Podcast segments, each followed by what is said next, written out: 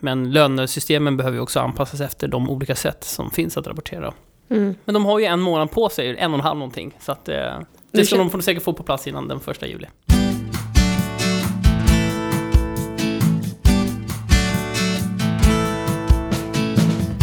Hej och välkommen till Deloittes Mobility-podd som leds av mig, Anna Nilsson. Jag jobbar på Deloittes skatteavdelning och har jobbat med mobilitetsfrågor sedan 2012.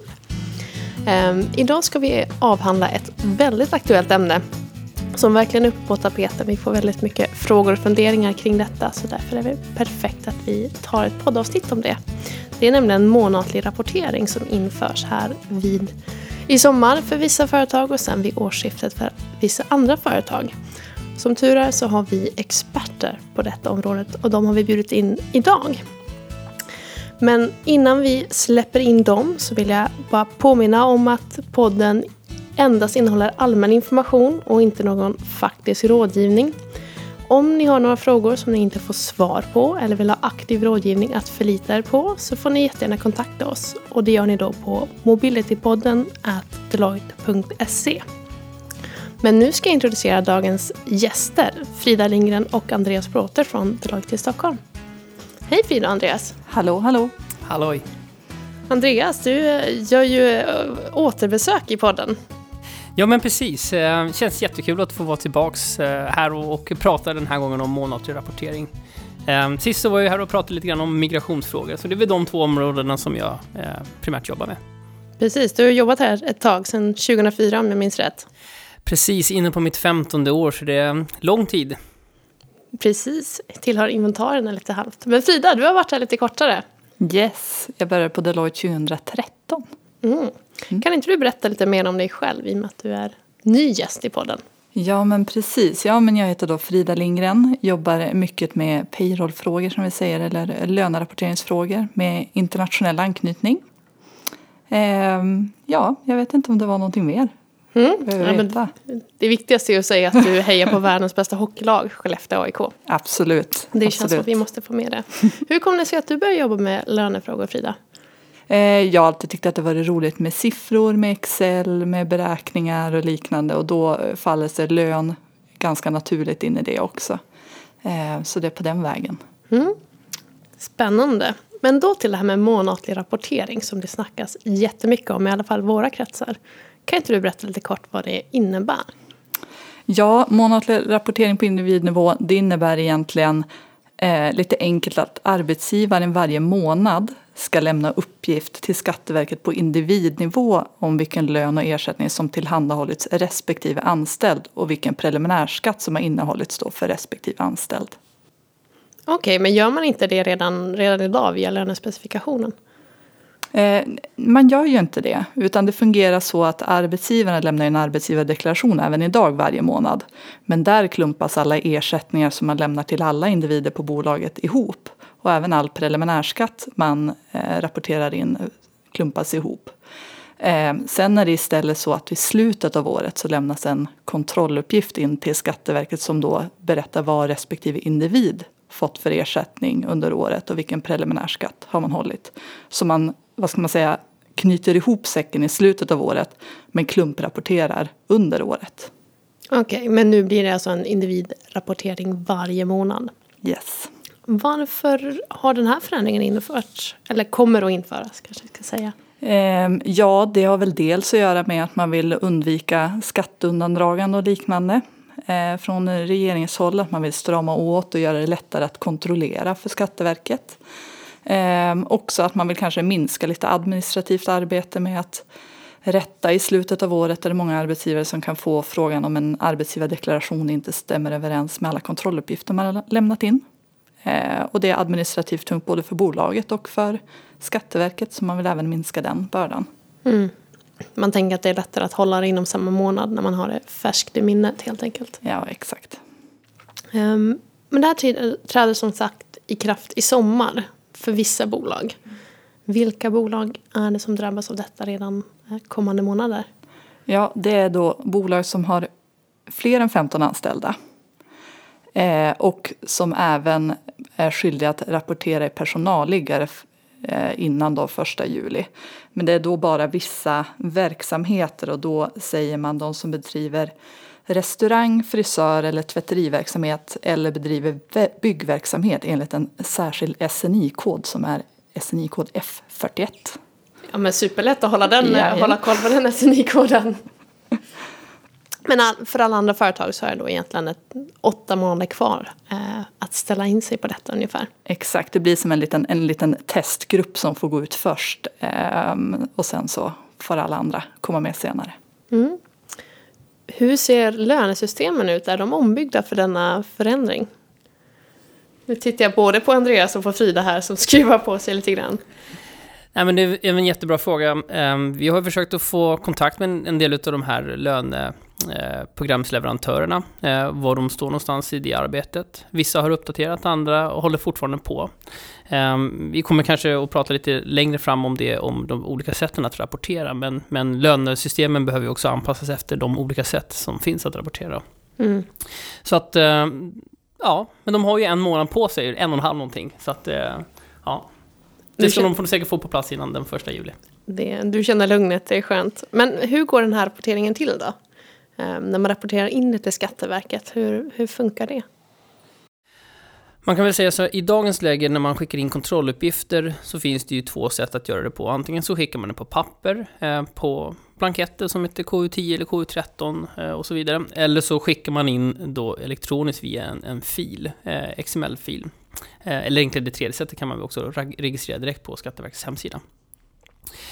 Ehm, när den här månlotterrapporteringen kommer på plats så kommer det finnas blanketter. Ehm, det är ingenting som varken tror jag, vi eller Skatteverket föredrar. Ehm, eftersom mycket av informationen i dagens läge finns redan elektroniskt i, i lönesystemen. Så att det, det väga, tillvägagångssätt som, som primärt kommer nog att användas i början är ju då XML-överföring, eh, alltså en filöverföring till, till Skatteverket. Så man plockar ut egentligen all den information som Skatteverket eh, ska ha eh, på den här månatliga rapporteringen i, i, en enda stor fil och skickar över det till, till Skatteverket. Och eh, det tredje sättet som de håller på att arbeta med är ju då så kallade öppna API-er. Eh, det vill säga där löneprogrammet pratar direkt med Skatteverkets system och kan skicka och hämta information ifrån från de här systemen. Då. Och det är väl det som kommer komma på sikt då, så att från och med 1 januari 2019 så ska ju det, finnas full funktionalitet eh, för de här öppna API-erna. Ehm, och det man kan säga då är att från lönesystemet så skickas den här informationen in till, till Skatteverket. Och I gengäld så kan man hämta kanske adressuppgifter, skattetabeller, allt sånt där som man idag kanske behöver göra manuellt eh, eller via fil. Men, men det kan då ske eh, direkt. Mm. Men vad händer om då eh, löneprogrammet egentligen pratar med eh, Skatteverkets sida? Hur fungerar det då om man gör fel en månad? Om man liksom stänger varje månad vid månadsslutet? Hur gör man då? Säg att man som arbetsgivare råkar eh, betala ut lön och inte vet att den anställda har varit sjukskriven halva månaden. Mm. Hur rättar man till det i efterhand då? Ja, det beror, det beror lite på situationen.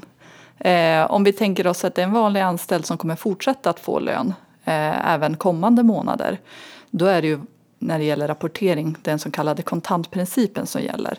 Så har man då i januari eh, gett honom full lön fastän han skulle kanske ha halv lön eh, så rapporterar man fortfarande full lön i januari men sen kommer man då i februari eh, reducera lönen istället och då rapporterar man även in så att säga halva lönen i februari.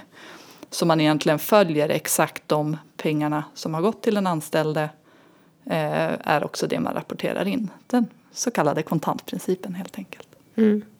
Men om man har slutat jobba liksom, efterhand då? Vad gör, man, vad gör man då? Ja, då blir det lite krångligare. Eh, för då säger man att det man ska göra är egentligen att då eh, behöver dels arbetsgivaren återkräva den anställde då på eh, beloppet.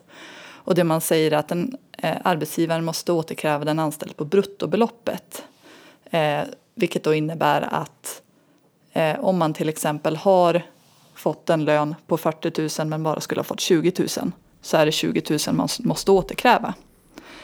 Eh, och sen så behöver man även eh, rätta upp då den månad som har blivit fel och istället rapporterar en bruttolön på 20 000. Det som kan bli lite krångligt det är att man kommer inte kunna justera den preliminärskatt man redan har betalat in.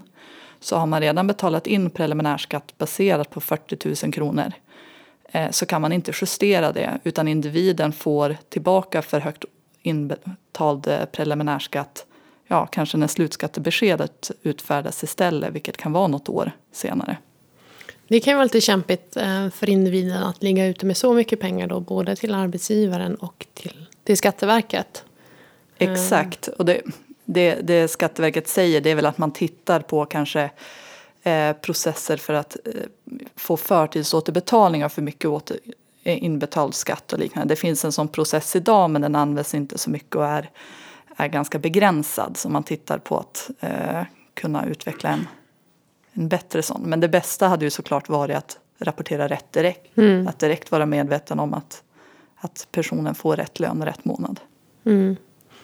Jag tänker lite andra problem här som kan uppstå just med att man stänger varje månad vid månadsslutet. är ju den situation vi ganska ofta springer på i jobbet. Det kommer dit eh, en ny person och så dröjer det eh, sex till åtta veckor kanske innan man får sitt personnummer. Även om man liksom ansöker i konstens, i enlighet med konstens alla regler första dagen man är här och, och sådär.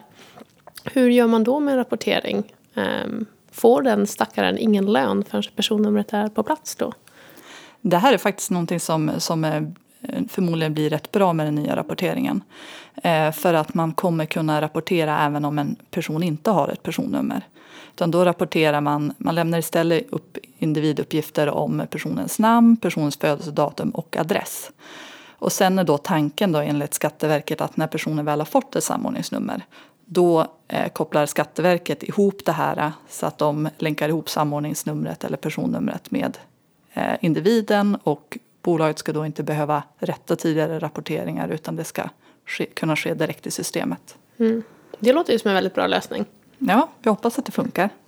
Gäller samma sak vid, tänker jag, som expertskatt som vi också söker om för vissa av våra klienter. Det vill säga att om man uppfyller vissa kriterier så undantas 25 procent av eh, både då individens lön eller eh, totala ersättning från beskattning men även då arbetsgivaravgifterna påverkas också av det här.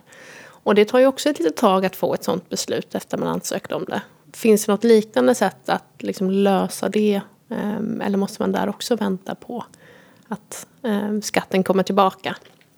Eh, jag ska säga att i dagsläget har inte vi något riktigt bra svar på det. Vi har faktiskt ställt frågan till Skatteverket och de håller på att skriva ihop ett eh, skriftligt svar på just den problematiken. Ehm, så vi får lite se hur de, vad de gör för ställningstagande i den frågan. Eh, för att man, man behöver ju lätt kunna eh, göra rapporteringen, det ska inte bli för mycket administrativt för bolagen. Eh, och samtidigt, bolagen sitter ju lite i händerna i, i det här fallet för Forskarskattenämnden att, att invänta det här beslutet. Eh, som man då inte har på plats tidigare. Så vi får lite vänta och se vad det blir för resultat där från Skatteverket. Det är klart, kan, kan det här vara någonting som påskyndar handläggningstiderna hos eh, diverse myndigheter så är ju både vi och våra klienter väldigt tacksamma såklart. Absolut. Um, nu har jag fokuserat väldigt mycket med, på problem här och, och, sådär. Men vad ser vi för möjligheter egentligen med det här? Vad, vad finns det för positiva saker med en sån här förändring? Nej, men det här är ju ett led i eh, Skatteverkets ambition att samla in uppgifter, kanske inte då bara lönerelaterade uppgifter, utan alla typer av uppgifter mer i anslutning till när, när inkomster tjänas in och, och när det utbetalas och så vidare. Um, och jag vet att Skatteverket var ju hos oss för, för något år sedan och berättade om sin, eh, sitt nya eh, IT-system som de håller på med och jobbar med. Och tanken är väl där till exempel att man ska kunna när man har sålt sin bostadsrätt i maj så skickar mäklaren in de här uppgifterna direkt till Skatteverket redan i maj. Eh, och att Skatteverket då redan på ett tidigt stadie kan ställa frågor om ja, bostadsrättsförsäljningen.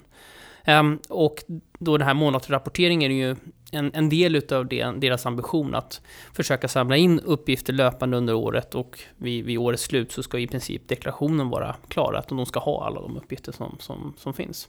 Och på något sätt i framtiden kanske det leder till också att vi inte behöver lämna deklaration, eller de flesta av oss behöver inte lämna deklaration. Så det är väldigt positivt eh, med det. Vi har haft också just delning av information mellan myndigheter. Jag tror att vi nämnde kanske lite grann det i början. Eh, men det är ju någonting som jag själv som jobbar inom, eh, med, mycket med migrationsrätt eh, är mycket rapporteringsfrågor till Migrationsverket uppgifter som, som till exempel Skatteverket och Försäkringskassan redan har. Och hade de då kunnat dela informationen bättre mellan sig så skulle det också kunna underlätta vid ansökning om arbetsuppehållstillstånd. Jag tror att det blir bra. Det är alltid sådär i början när det sker förändringar att folk är lite så här anti och lite emot. Eh, men när man har vant sig, så det är någon som har tänkt tror jag. Så att eh, det blir nog bra i slutändan när man har vant sig vid det. Mm, det tror jag också, men det är lite grann av en invänjningsfas. Eh, men under den här invändningsfasen, vilka områden ser ni att bolagen kanske behöver mest hjälp och vad kan vi komma in där? Dels så kommer det vara viktigt att eh, ha rätt information på plats tidigt i processen. Man ska säga. Att man ser till att informationsflödet i bolaget kommer till rätt personer. Och då de som gör lönen, till exempel att man får information i tid att någon har bytt en bilförmån eller att någon har fått en bilförmån för den delen eller att det kanske kommer en expat till Sverige det här datumet. Ehm, det blir väldigt viktigt för att det kommer bli lite krångligare att rätta tidigare månader om det här inte finns på plats. Ehm, och det, det är ju en del som eh, vi har eh, här på Deloitte kan hjälpa till med. Så att vi kan hjälpa till att strukturera och se över vad har man för process, hur kan man förbättra den, vilka är det som är ansvariga för att se till att eh, rätt information finns på plats. Ehm, och helt enkelt se till att det här flyter smärtfritt när det här väl kommer på plats i januari. Det är klart det kan bli ganska knepigt att, att fånga in alla de ersättningar som finns från, eh, från företaget. Jo, men jag tänker på eh, bland annat eh, svenska bolag som skickar ut personer till, till andra länder och där man har liksom en skyldighet att eh, rapportera in till exempel eh, arbetsgivaravgifter för de här personerna. Det finns ju redan idag en skyldighet att man ska ehm, få in då lokala förmåner eller andra ersättningar som betalas ut i, i de här arbetsländerna in i den svenska rapporteringen.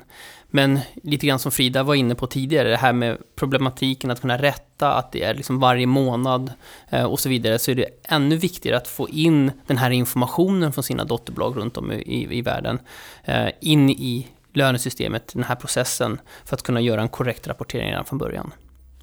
Mm. Det låter superspännande. Det ska bli kul att se hur det går för den här provgruppen, eller vad vi ska kalla dem, de som det sätter igång för redan i sommar. Tack så jättemycket för att ni båda kom hit och delade er kunskap kring detta väldigt aktuella ämne. Och det var faktiskt Mobilitypoddens sista avsnitt för den här säsongen. Nu går vi på sommarlov och så hörs vi senare. Tack så mycket. Hej då!